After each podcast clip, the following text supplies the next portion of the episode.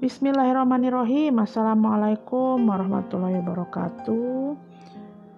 Jumpa lagi di dengan Mak Yaya di sini di akun podcast kesayangan kita Mak Yaya bersama menjemput hidayah.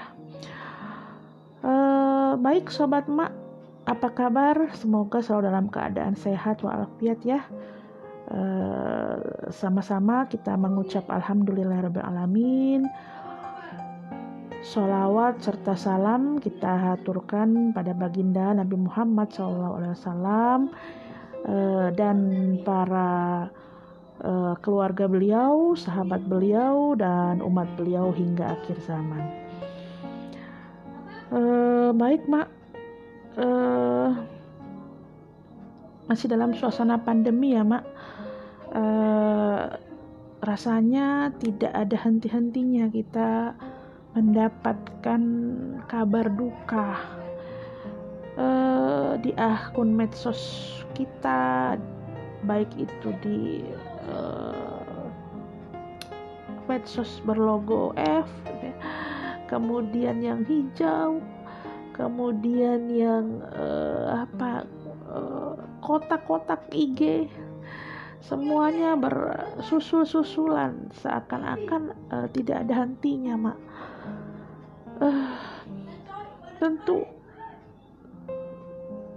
mak mungkin juga ada di antara tetangga emak yang juga jadi korban ya atau uh, salah satu yang uh, dipilih Allah kodarullah ya ditetapkan Allah sebagai orang yang menjemput uh, kematian dengan perantaraan COVID uh, mungkin juga ada yang masih sakit terpapar uh, oleh virus ini. Dan uh, sedih ya mak. Uh, rasanya uh, sangat sangat kehilangan ya. Apalagi kalau itu kemudian e, musibah itu kemudian menimpa atau kodarullah itu juga menimpa para ulama kita gitu ya, orang-orang yang alim yang berilmu yang punya ilmu luas gitu, yang kemudian e, tentu masih ditunggu gitu ya. Masih ditunggu e, curahan ilmunya untuk kita kita kita semua ya umat Islam. Tapi apa daya ya? Kodarullah uh, Allah telah memanggil.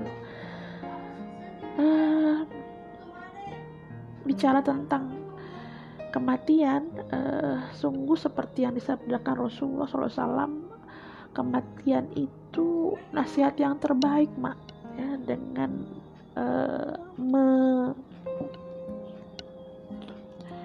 melihat menyaksikan ya. Itu kemudian kita bisa uh, belajar banyak menarik pelajaran ya. Apalagi ketika uh, kematian yang susul menyusul ini terjadi pada masa pandemi. Uh, tapi tenang mak ya.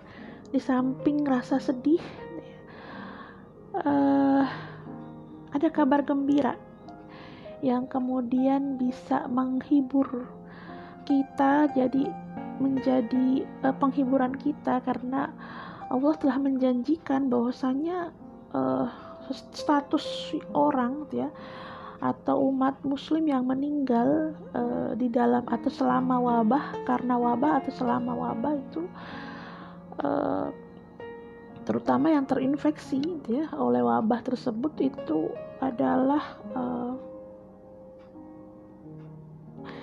mendapatkan pahala syahid. Dan kita tahu bersama pahala syahid itu masuk surga tanpa hisap mak. Insya Allah ya. untuk lebih lengkapnya saya ingin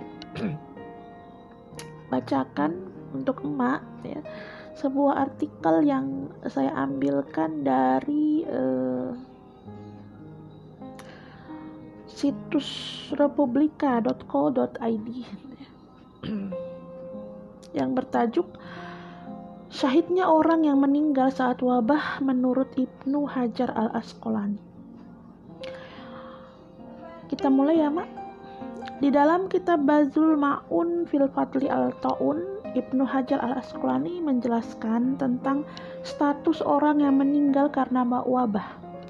Menurut beliau, status orang Islam tersebut adalah syahid bagi sang ahli hadis itu, predikat syahid tidak hanya berarti gugur saat berperang di jalan Allah atau berjihad, tapi juga muslim yang menjadi korban taun atau wabah, wabah apa pun itu. Seperti hadis riwayat uh, yang diriwayatkan oleh Imam Bukhari dan Muslim, Rasulullah SAW bersabda bahwa orang yang mati syahid itu ada lima macam. Uh, yaitu yang pertama orang yang terkena taun atau wabah. Kemudian orang yang mati karena sakit perut.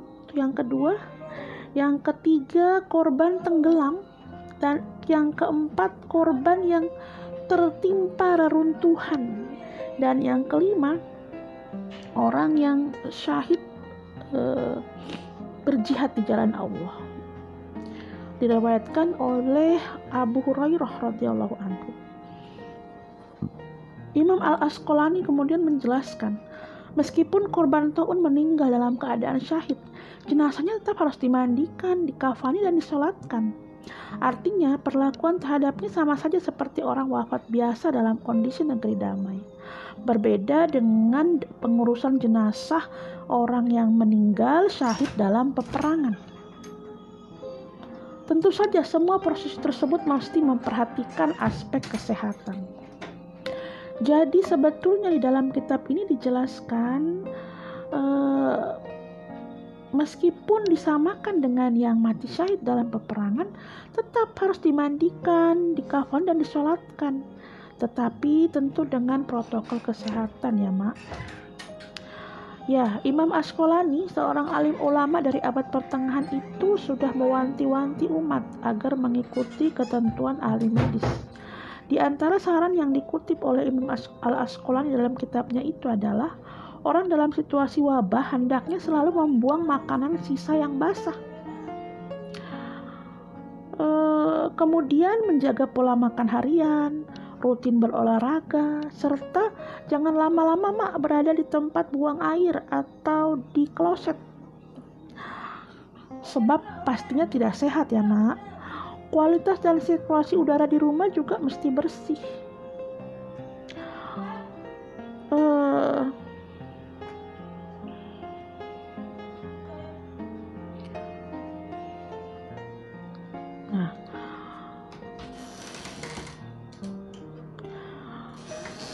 Imam Al-Asqalani juga menekankan pentingnya uh, membangun atau mengokohkan terapi spiritual dalam menghadapi taun atau wabah. Di antaranya adalah setiap muslim hendaknya betul-betul menjauhi perbuatan aniaya dan zolim saat terjadi wabah. Ya, termasuk kezoliman ya, Mak, ketika kemudian dilarang keluar rumah tapi nggak dikasih makan itu suatu keprihatinan kita bersama uh, di akhir kitabnya itu kemudian Imam Al Asqalani juga menyampaikan tiga hal tentang tips spiritual dalam menghadapi taun. Pertama, selalu meminta perlindungan dan kesehatan kepada Allah. Kedua, bersabar. Dan yang terakhir, selalu berbaik sangka atas takdir ilahi.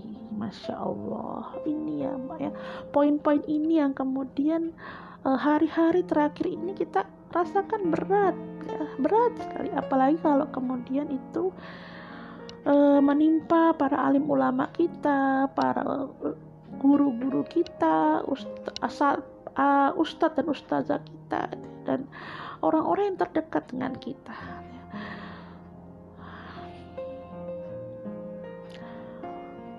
Semoga kita dimampukan Allah Subhanahu wa taala untuk melewati pandemi ini ya, Mak. Peluk online dulu, Mak. Semoga kita sama-sama dilindungi Allah, selalu dalam lindungan Allah, dijauhkan dari pandemi dan mampu bersabar dan melewati ujian ini dengan uh, predikat terbaik di sisi Allah. Amin amin ya rabbal alamin. Uh, sampai di sini dulu mak untuk episode kali ini. Semoga uh, kita bisa berjumpa di episode berikutnya. Uh, masih di akun Mak Yaya bersama menjemput hidayah. Assalamualaikum warahmatullahi wabarakatuh.